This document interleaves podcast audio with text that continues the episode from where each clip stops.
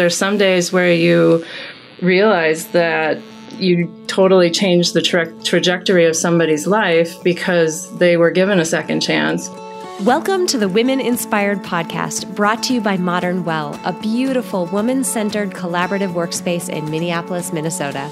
I'm your host, April Seifert, psychologist, entrepreneur, and self proclaimed life experience junkie.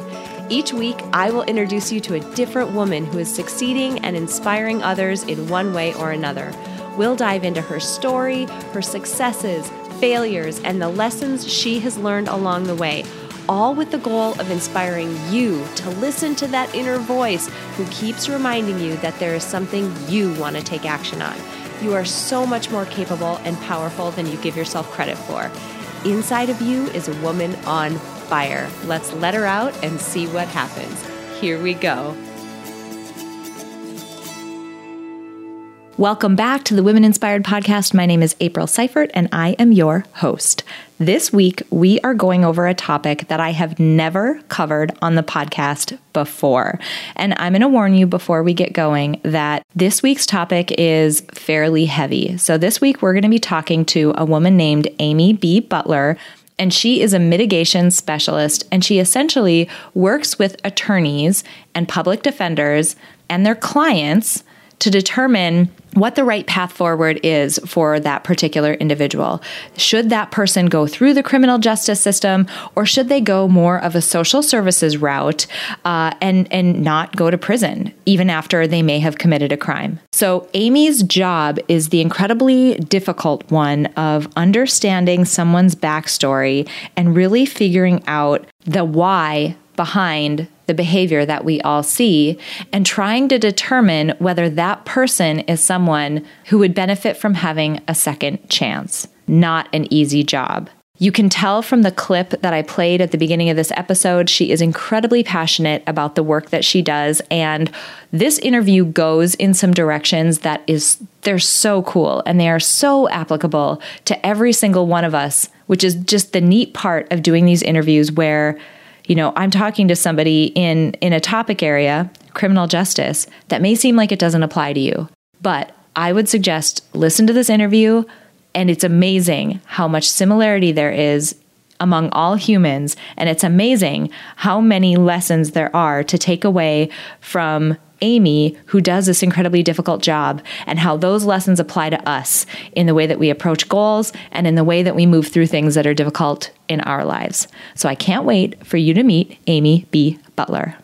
All right, I am so excited, you guys, to welcome Amy B. Butler to the show. Welcome. Thank you. It's good to be here we've been trying to set this up for a while and I went and had a baby and went underground for a few months. So I really appreciate you hanging with me because we have some really great stuff to talk about. So I appreciate it. You're very welcome. All right, so help us get to know you. Let's start this off right. Tell us a little bit about yourself, and then we'll dive into this really cool work that you've been doing. Okay. Well, I'm uh, originally from Wisconsin, and I went to Ripon College, which is a really tiny little school um, in Wisconsin. Um, graduated with a bachelor's degree in psychology.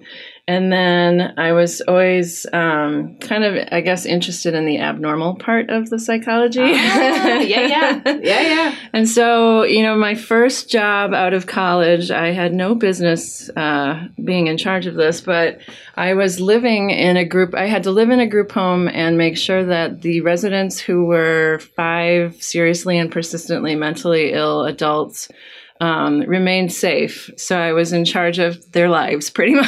and then, like I said, I had no business being in charge of anybody. I could barely take care of myself at that point. but that was my first uh, like venture into uh, this profession, I suppose. Um, gave me good insight into how uh, a lot of people struggle with things that I fortunately never had to deal with. And so I did that for a while and I ended up coming to Minnesota to, to a friend from college's wedding. I had a great time at the wedding, uh, hung out at Tavern on Grand, and decided I think I'll move here. it wasn't in January, was it? it no, was it, wasn't. Although Wisconsin's cold enough, so it's not. That's true. Yeah. I was going to say nobody decides to come here in January when they. No, visit. it was a beautiful summer wedding at the His- History Center. And, of course, yeah, of course.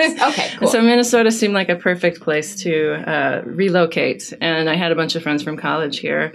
Ended up here twenty some years later, still here and along the way just kind of continued to find these jobs that uh, show me different sides of people's worlds and lives and always kind of trying to figure out a way to empower other people. Wow. Okay so going from working in a facility where you're having to keep you know people safe who you know might I mean, there's some variability there. Like there's yeah. there's the chance that some things could go down there. Yeah. Um, you have continued, like you said, you've continued along that type of path. And tell everybody about the work that you're doing today, because I've never interviewed anybody on the podcast who does the type of work that you are. So I'm really pumped about okay. This. Well, what I found out was so I, I for probably ten years I was working with direct care kind of jobs as far as uh, people with serious and persistent mental illness or kids that couldn't stay at home residential facilities those types of work. And i was actually another probably another episode it could be a trip that i took to europe with a bunch of adults mm. who with mm. mental illness. Wow. So That's for some reason they, they trust me with their lives. I don't know. Um, but i was actually in germany with these clients and i got a phone call from a friend of my sister's who said said, Hey, do you want to do what I do? And I had no idea what it was either. Um, but that was the position at the public defender's office as a dispositional advisor. Uh, which is basically kind of like a caseworker or a social worker for defense attorneys. Mm. And so the segue was that, you know, I just kind of, I really just kind of fell into this work. She knew that I was doing social work type jobs, and the public defender clientele, a lot of them have mental health issues or, you know, social work type needs as far as they're homeless or they have these types of problems. And so she thought maybe I'd be interested, and it turned out I was because I've been doing it ever since. Um, and and what you find out rather quickly when you start meeting with clients is that um, a lot of the people that end up in the criminal justice system could very easily have gone a different route. Mm. You know, they could have very easily and possibly, and you know, and I frankly believe that they should be in, you know, the social services realm instead of jails and prisons. Um, and so it didn't take very long before I realized that all of the experience that I had working in the community with these people, where they were succeeding, a lot of them because they had gotten the right types of treatments, the right types of meds, the right types of services. Um, you know, I, I saw that they could be successful, but when I went to the public defender's office, what I was seeing is that they were you know not getting those services and and so it was kind of like the culmination of everything that i had done up to that point were my clients at the public defender's office because they had everything, mm-hmm. you know, that I had dealt with before, but I was doing it in the community where they were being helped instead of being punished. Wow. That has to be that job has to incorporate a lot of emotion. I mean, I could I could see where there would be some amazingly great days where you feel like you walked away and you have been the voice for somebody who mm-hmm. didn't have a voice or you've been a resource for someone who didn't have a chance yeah. without you there. I can also imagine that there are days where you walk away feeling really heavy. Yes. Like there have to be some really difficult um, topics and and circumstances you find yourself in. How do you navigate that, or or what is yeah. that like? Well, you're right. Um, I've had cases where you know I'm sitting there typing out a report, and the tears are just kind of streaming down my face um, just because there a lot of the stories that people don't hear about the people that are shown on the news or the terrible things that they've done you know you don't get to hear the kind of why they got to that point and that's a big part of my job is to figure out that why so you know as far as how do you handle it um, I don't always handle it the best, the best ways that I could. You know, you try and keep take care of yourself um, physically and emotionally. I would suggest that anybody in this field get a therapist mm. and somebody to kind of talk about those issues that you're you're you know you kind of take on the trauma of your victim or of your um, not only the victims because you're reading the the terrible things that they've done but also you know there's always more than one victim in a lot of these cases. You know i talk to family members to you know a lot of the clients have children that are going to be affected by the sentence. You know so it is kind of like there is a lot of weight on your shoulders. But ultimately what i ended up having to do is just to always kind of focus on the fact that all i could control is the effort that I put into the case. I can't control the outcome. I can't control what the judge does with it. But like you said, I can give the client some dignity. I can let their family feel more heard than they otherwise may have been in the you know system that's pretty overwhelmed and doesn't always have the time to take all of this information into account. Um, and just kind of do the best job that I can. Um, and like you said, there's there's some days where you realize that you totally change the tra- trajectory of somebody's life because they were given a second chance. There's other cases where, and actually, the funny thing is that usually, sometimes when I do my best work, it's the cases that don't end up getting a second mm. chance. So you really do kind of come to realize that you're only in control of your effort and not, and not the outcome. Um, but but otherwise, just finding those ways to take care of yourself, finding the ways to support your um, to be around um, people that kind of can understand what you're going through is good too. So if I have a particularly bad case or just kind of a hard day, calling up some of my colleagues or talking to the attorney about what's going on, um, being sure to reach out to to other people that can understand this really strange kind of world that we live in. yeah. Yeah.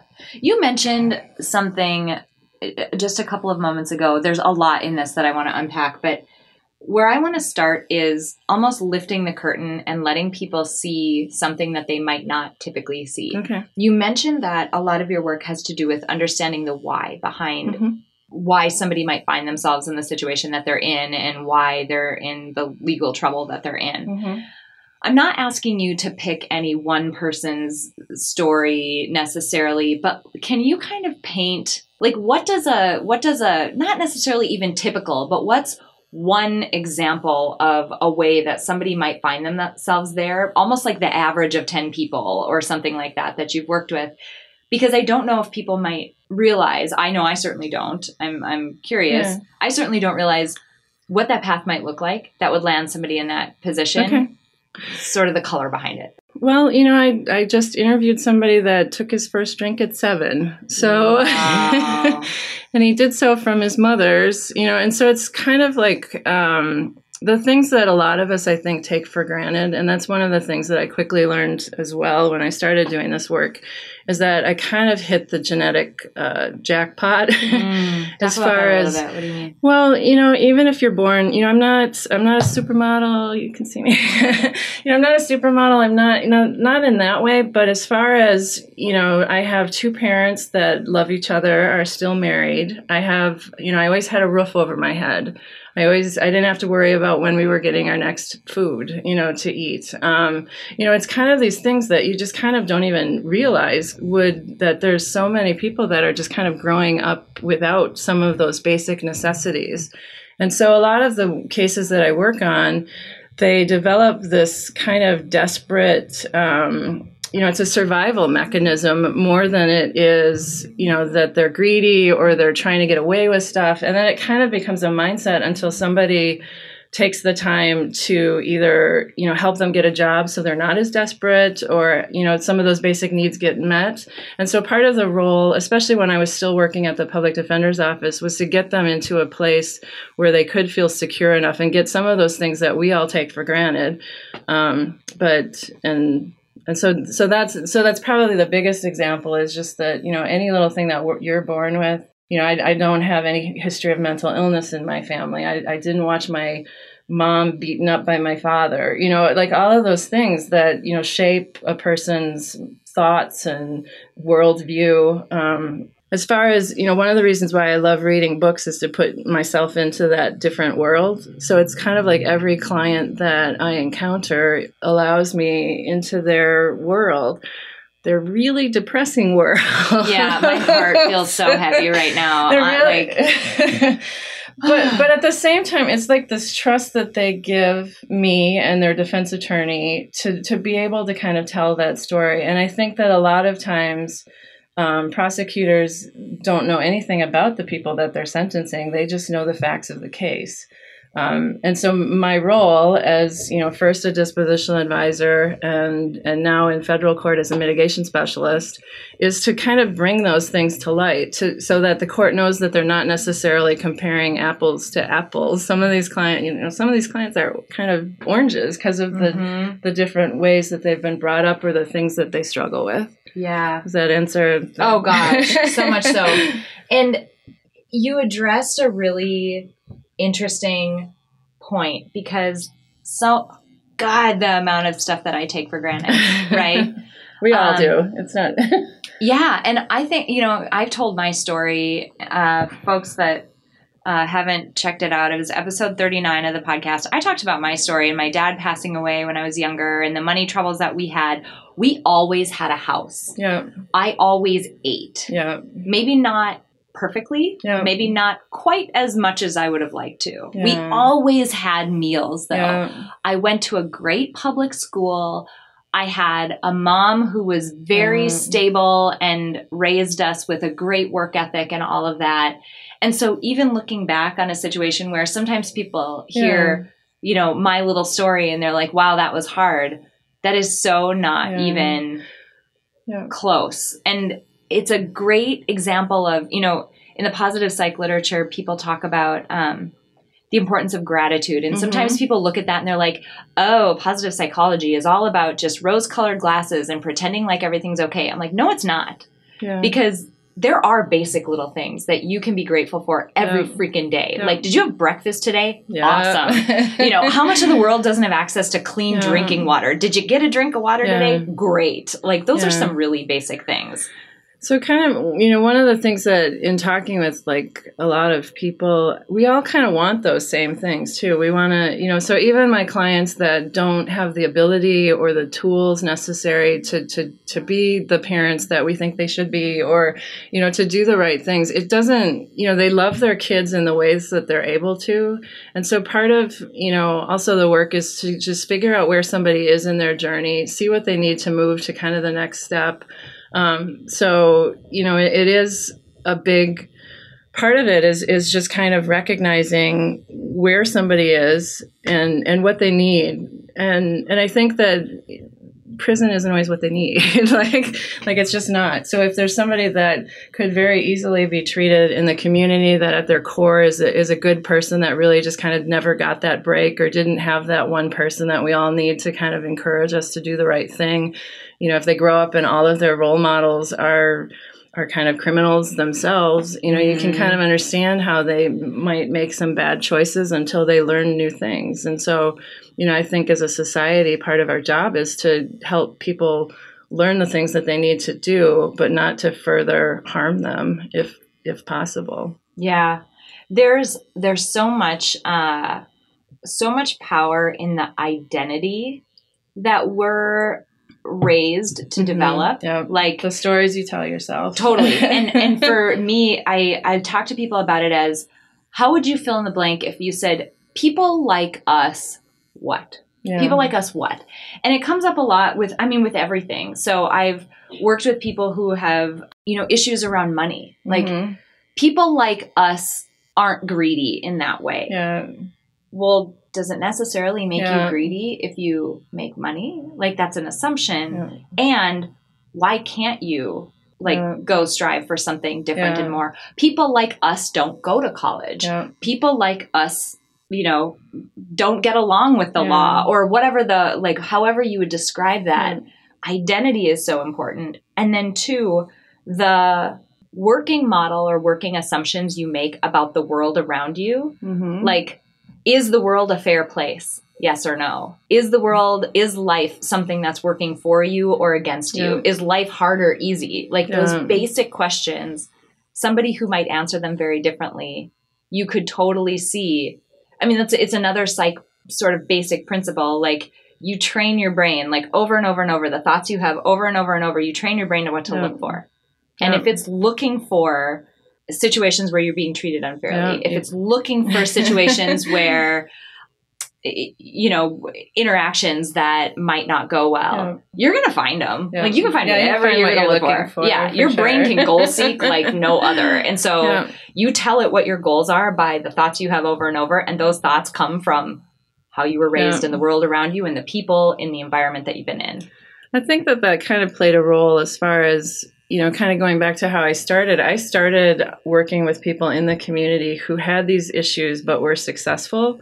And so I think sometimes that really shapes how I view my clients because I know that even though it may not appear it may not appear like they have very much going for them, you know, deep down there's something there that you can pull out that if if they're given the, help that they need or the treatment or whatever it is that that that's possible for them because I've seen it in other clients. You know, I've mm. seen the person that's had 13 DWIs, you know, decides one day I'm not going to drink anymore and they actually stop. And so it's kind of again going back to where they are as far as in their journey that it, might not, you know, despite all appearances otherwise, like cuz when when I change about things that I want to change, I don't always do it the first time that I would like to make better choices. Um, and again, kind of going back to this, I, to an idea that we're all more similar than we are alike, is that you know sometimes I think the expectation for clients who have mental health issues, who have chemical issues, who have you know these poor upbringings that they need to kind of overcome, the expectation that the court tells them, okay, now you need to do this today is kind of unrealistic for some clients. So you kind of need to show them a little grace, a little bit of the same grace that you show yourself sometimes maybe. yeah yeah and to and to help them so okay that didn't work what what has worked well for you or kind of figuring out you know how to um you know change and as you go along depending on what the needs kind of morph into rather than just kind of this clear cut nope you did this you're done kind of Mm-hmm. Oh my gosh. Yeah. That goes back to another notion that I talk about a lot on the podcast around um, I and other people um, who do work in this space call it radical responsibility. Okay. So essentially, like, people get hung up on the word responsibility. Mhm. When you, this notion is that you're 100% responsible for 100% of the situations you find yourself in. Mhm. Responsible doesn't mean at fault, and it does not mean to blame. Yeah. It doesn't mean that you caused the environment or you created your own history of how Mhm. you got to the point that you're at now. But you need to at some Here point you are. yeah, yeah. and what are you going to do now? And it's amazingly inspiring to me to think Yeah. about, you know, how hard that is for a person with all of those Yeah, privileges that we talked about, right? yeah, like yeah. two parents Yeah. and a roof over your head and a job that's Yeah. relatively stable. I mean, layoffs happen, but like relatively stable. Yeah. And for you to go and try to get to the next level, that can be so difficult. And think of how hard it is to make that Yeah. same you know degree of a shift coming from a place Yeah. where you don't have the the smallest of foundation to stand on. Yeah. So I'm actually, you know, amazed at the clients that are able to overcome those things. I'm very, you know, in awe at times of some of the things that my clients have overcome. You know, uh, when when they're able to find, and it's usually it's usually not as hard as I mean, it's it's one or two little things. Like you said, if they find a job that is actually able to support their family, or if they find the right, you know, mixture of medications to deal with their mental health issues, or the right treatment at the right time. You know, those things make a huge difference. And it is, it's remarkable. It's remarkable when somebody can overcome an addiction and totally change their lives around. And that's what we ask of our clients is to mm-hmm. is to totally change their lives around. And so for me, you know, I'm I'm working uh, pri- with private attorney- attorneys now, and the clients that I turn away are those ones that don't show me that sign that they're willing to take Ah. or that they don't understand that they did anything wrong or that they you know like those are the ones that i have a problem with so i don't or i can't help i, I can't make somebody Yeah. Be ready to change Yeah, yeah. i'm You good can't- but i'm not that good I say this. To, there's a few things that I say in my house to my husband all the time. I'm like, you can't make adults do things. You can't. right Like you cannot physically make an adult do things. Like you can you can ask them to, you can encourage them, you can Yeah. put them in the right circumstances. Ultimately it goes back to radical responsibility. Yeah. We are going to take our next step. Like Yeah. we're going to do it. And it could be a and it could little be step, good or bad. Yeah, Right. as long as it's in the right direction, you know. So I don't expect my clients to be perfect, um, but as long as they're moving in the right direction with the right attitude and the right intention to change and to do better, um, you know, I think that it's in all of our best interest to keep them on that path. So a lot of times what I run into is, you know, you have clients that have been successful in treatment and, you know, yes, they've made a lot of mistakes um, in the past and maybe they should go to prison, but if they're doing to- totally different things, it doesn't usually make sense to me to put them back in that jail or prison environment unless they're they need to be there. like, right. but if somebody's working and sober and there's all kinds of proof of that, so my job is also to kind of collect that proof and do my homework and make sure that they're actually doing what they say they're doing. Yeah. um, so I don't just you know blindly follow them or do what they tell me to or those types of things, but but I, I I research the person and to make sure that they're doing those things, and I talk to enough people to kind of get a sense of who they really are or who they could be if they were kind of given that second chance. Oh my gosh. That, I mean, that's huge to think about, to be coming from the lens of what is the potential that this Mhm. person has. And so, you know, when you talk to family members, if they have family members to talk to, um, they they see the potential. Or I talk to a lot of teachers who, you know, can see that kind of good core in, in somebody and, and maybe feel bad about some of the breaks they've been given in life or those types of things. But, you know, it really it's it's there. You just, just some people aren't ready or, you know, to change maybe, but um, you know, then maybe they'll eventually get there, hopefully. Yeah. I want to go back to something that you mentioned a little while ago because I think um, this is so applicable for, I, I don't care who you are, this is applicable for everybody. You said that one thing that helps you continue on in this work when it gets difficult is that you focus on the effort that you're putting into it. All you Mhm. can control is the effort you're putting into it, but not the outcome. Unpack that a little bit for me. Tell me a little bit about like where that comes from and and what you mean by that because that's like that's a big old deal for Yeah. anybody no matter what you're working hard toward Well, a lot of time, you know, for my clients, um, what I've heard is that it helps them too. So they just really want to know that they're heard, that they're, um, you know, that they're able to tell their story and that somebody's kind of listening to them. And so for me, you know, when I say I can only control the effort, so I can control the work that I put into it, but I can't control, you know, what kind of mood the judge is in the day that you know or there or, you know there's studies that show you know if, if people are sentenced at different times of the day that they have worse outcomes. I mean there's all kinds of things that go into the ultimate decision. Um, and so you know i would go crazy if i um, if i couldn't accept my my role is to do the best that i can as far as letting the court actually know who's standing before them. Mm-hmm. I I can't control, you know, the harm that the victims feel or if they're going to be acceptable or agreeable to um, whatever kind of more lenient sentence. I can't control all of the things. The judges have a really hard job to decide who goes, you know, what direction to go with clients. But, you know, for my own sanity, I had to just kind of take a step back and really feel good about the work that I do. So I, I do work really hard on cases, Mm-hmm. um, you know, and and to know that even if even if the ultimate outcome isn't what I would have hoped for the client or what I would have recommended, um, to know that at least the client left with some more dignity, more a feeling that somebody listened and cared enough to listen, I suppose, um, and that the the whole story has at least been before the judge to consider. Yeah. I feel the reason why I bring this up and that's that's really really great because I know I'm guilty of this where I've worked my butt off at something. I have worked so hard at something and ultimately the outcome doesn't end up in the direction Yeah. or or Yeah. as whatever it is that I wanted it to be. And when that happens, I'm so guilty of being the person who completely wipes away all of the effort that they just Yeah. put into it and focuses only on, but I didn't get there, but Um, I didn't achieve it. Yeah, I wouldn't last very long in this job if I if I if I did that. Um, and one of the things too is that you know you I get thank yous from families and and it's it's families that you know their kids are in prison or they are but just kind of or just that gratitude of having anybody just care enough to actually listen to them.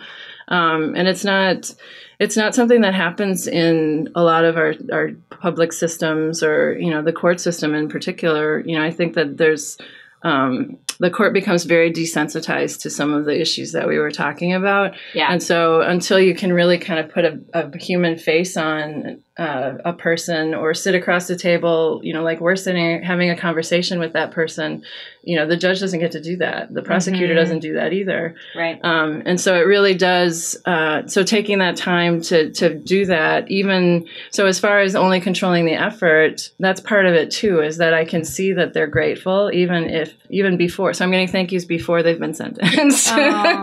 so you know, and then after too, but but most of it happens before. So it's you know you leave them feeling and they feel better about you know their situation because you were kind enough, I guess, or able to come and just hear them out. Yeah. You've got right now the ear of an audience of people who probably don't know a whole lot about okay. the system, who have probably never had and never will have a conversation like you just talked about. Okay. What is something that you want us all to know? Like, what, I guess I'm looking for kind of a take home point or something like that that would help us either understand, be more compassionate, or be better, act differently, something in the future as you think about the system that we have today? It's a good question.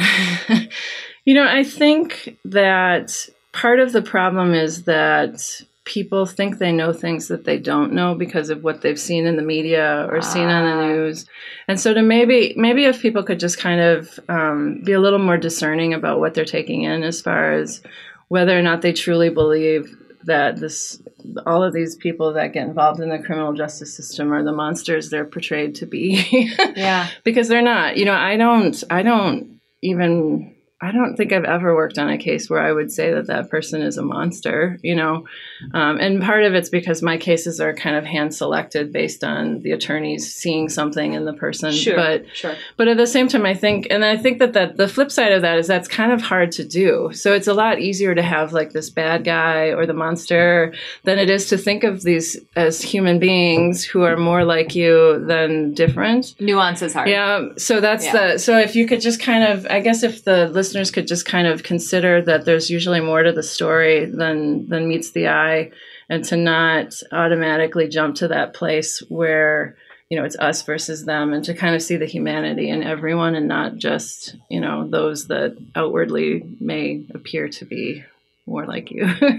I love that. We're and I love that you said it a bunch of times, but we're all more similar than we are different. Mm. We want the same things. Yeah, if you would look at me standing next to my clients, it, you know, it's uh, we're pretty different. like probably couldn't be any more different, really, from a physical standpoint or just kind of from the outward appearance. But inside, you know, we all we all want the same things. We want we want I want safe communities. I want. Um, you know people to feel appreciated and and and that's what my clients want too is they don't a lot of them don't want the life that they find themselves in which is kind of hard to wrap your head around mm-hmm. because we do we don't want we want people to be at, at fault and at blame and you know and, and it, those nuances as far as well they did this but they're also all of these different things so it's not you know, mm-hmm. nobody's as bad as their worst mistake. I wouldn't want to be judged on the worst thing that I've ever done, and it's nowhere near as bad as you know.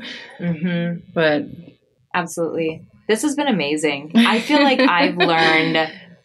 I don't know, maybe not a master's degree worth of information today, but a lot of information Good. about a topic that's really important, becoming more important uh, all the time, it seems. And I'm just appreciative that there are people like you who are out there, you know, working with folks who find themselves in the system and working to try to make sure that everybody lands in the right place, yeah. you know, not without the bias of trying to go one direction or the other, like just making yeah. sure that people end up in the right place so that um, you know when a second chance is the appropriate thing that people are getting it. When i actually it's funny because when i started doing this work one of my biggest concern was like am i going to like these clients? Yeah. Like, because i did come from the more sympathetic the you know it's you know i was working with kids that were abused by other you know yeah. but what you realize is that my adult clients are kind of those kids that Yeah. never really got to um, to be adult or they never got to be kids in the true sense of the word and so they didn't get what they needed along the way and so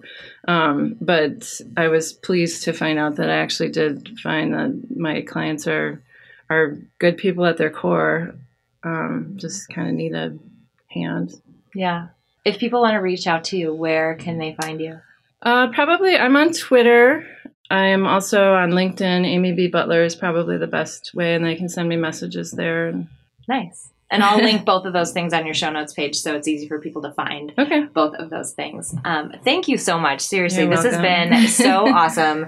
I uh, have a page full of notes of takeaways that you know I'm just letting sink in. So I really Okay. appreciate you being here, and I appreciate you um, helping us learn a little bit more about this and seeing behind the curtain of something that we just don't get the chance to see. well thanks for having me All right, you guys, I hope you enjoyed that interview with Amy B. Butler, and I hope you got as much out of it as I did.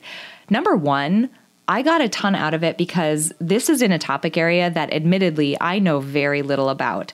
I didn't understand all of the complexity behind what goes on in the criminal justice system and how a person might move through it and how someone like Amy can really impact the trajectory of somebody's life and how their experience can completely change when they work with someone like her. I just am so grateful that there are people like that that work in that system that help us make some of these really difficult decisions. I can't imagine doing the work that she does and trying to do the right thing, not only for her client, but do the right thing for society. That's a really heavy job. There were a few things in this interview that I want to hit on. And if you've listened to me in the past, you probably know where I'm going to go with the first one. We talked so much about the notion of radical responsibility. So, this notion that you're 100% responsible for 100% of the situations you find yourselves in. And, you know, I can get some slack sometimes when I talk about this because people want to equate the word responsible with the word blame or fault. And that is not the case. You're not at fault. You're not to blame necessarily, but you are in this situation and you do get to choose what your next steps are. And this interview was a beautiful example of that notion and an example of people who had the most difficult of circumstances that got them to the place that they're at, but people who can take responsibility for what their next steps are with the help of someone like Amy, showing them that there is another path that they can go down. And sometimes that's all we need. We just need someone to show us that we can be better, do better, do more, strive to be a bolder version of ourselves. We just need somebody to show us that there's that alternate path there and we can start to take responsibility to move down that new path. So I would urge you if there's something that you're sitting on right now, a difficulty that you are sitting on right now, a set of circumstances that you are in, take stock of it. And is there an alternate path that you can begin to go down and take responsibility for what your next steps are going to be? The second thing that I wanted to highlight is this notion of gratitude. There are so many basic things that I take for granted that we all take for granted. I mentioned a little bit about my background that, you know, I, I grew up in a family that didn't have a ton of money and we had some hardship in my background. Um, but in spite of that, I have always had a roof over my head. I have always had access to clean water. I've always had access to food and been able to eat. I have a stable job. There are, I mean, in today, I have countless things to be immensely grateful for. I have two beautiful kids who are healthy right now. I am healthy right now. That is an incredible thing to be grateful for. And you know, we talked a bit in this episode about positive psychology and how people point toward gratitude as one of those things where you're just looking at the world through rose colored glasses and ignoring the fact that negative things happen. That is so not what positive psychology is about. And it is such a misconception of how that field works. Positive psychology does not try to get you to only see positive things. Positive psychology asks you to focus on positive things, focus on gratitude, which, by the way, has one of the biggest like best outcomes for helping reduce depression, reduce anxiety, and give people more joy in their life is being gra- grateful on a daily basis. But gratitude and positive psychology, they, we ask you to focus on those positive things because your brain is already biased. Your brain is already going to go down a negative path all on its own. If left unchecked, your little reptile caveman brain is going to do its own thing and it's going to go down a negative path by itself. That is biased our reality of our situation is not the negative situation that our brain would see if we left it unchecked. Instead, we focus so much on the positive aspects of our day to day, including gratitude, because it helps balance out that equation. While you know you're sitting in your cubicle and you can only see the negatives, you can only see that difficult person that you have to meet with, you can only see that hard uh, that hard deadline that you have coming up or that big project, and you can only see the difficult commute that you have. You don't focus on the fact that there are positive things that you have in your life every single day. And just because you have that tough project, just because you have that crappy commute, does not mean that those positive things aren't there too. You're already biased. So, helping to tip the scales a little bit in the positive direction is just helping balance out your thinking. The last thing that I want to hit Oh my God, when Amy said this, I was like, I couldn't write this quote down fast enough. That she focuses on the fact that she can only be in control of the effort she puts in, not of the outcome of the situation. Oh my God, I have such a hard time with this. I have such a hard time with this.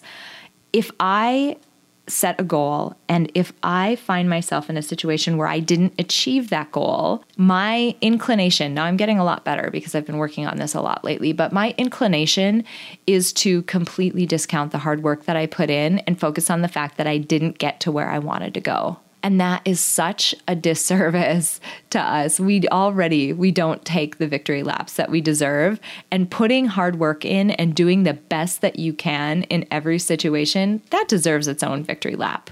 Minimally it doesn't deserve beating yourself up about it. So I wanted to call that out because it's one of those things that, you know, we're talking about Amy's work, which is probably unlike the work that most of us uh, do. She probably has a pretty unique job. Um, but this notion of focusing on how much effort she put in, not necessarily the outcome. God, that is such a powerful way of thinking about our work and thinking about even our roles within our families and within um, close relationships that we might have. If we're giving our best and we're doing the best that we can, we deserve to take a victory lap and you know know that we're doing doing everything that we can. And the outcome, it's going to be what it is but we did the best that we could. I really, really hope you guys enjoyed this episode. Coming up, there are awesome women. I am so excited for you to meet more of them. But until then, have a wonderful week. Before we close out today, I want to say thank you to my producer, Cameron Hill, and to my incredible sponsor, Modern Well. If you want to learn more about how you can reach your goals in a one of a kind work life community, visit www.modernwell.co. If you enjoyed this episode, please share it with someone else who might benefit from this inspiring message. And if you have a moment, click the link in the episode description to leave me a rating and a review on iTunes. It would mean so much to me. Finally, I want to remind you that it is absolutely possible to live a happy, fulfilling life, even in spite of all of the chaos and demands we all experience. Sign up at aprilseifert.com to gain access to tools that will help you do just that. I have carefully created and curated a set of tools that combine the powerful fields of psychology and design thinking to help you intentionally create a fulfilling, happy life you love. Thank you so much for joining me this week, and until next week, stay inspired.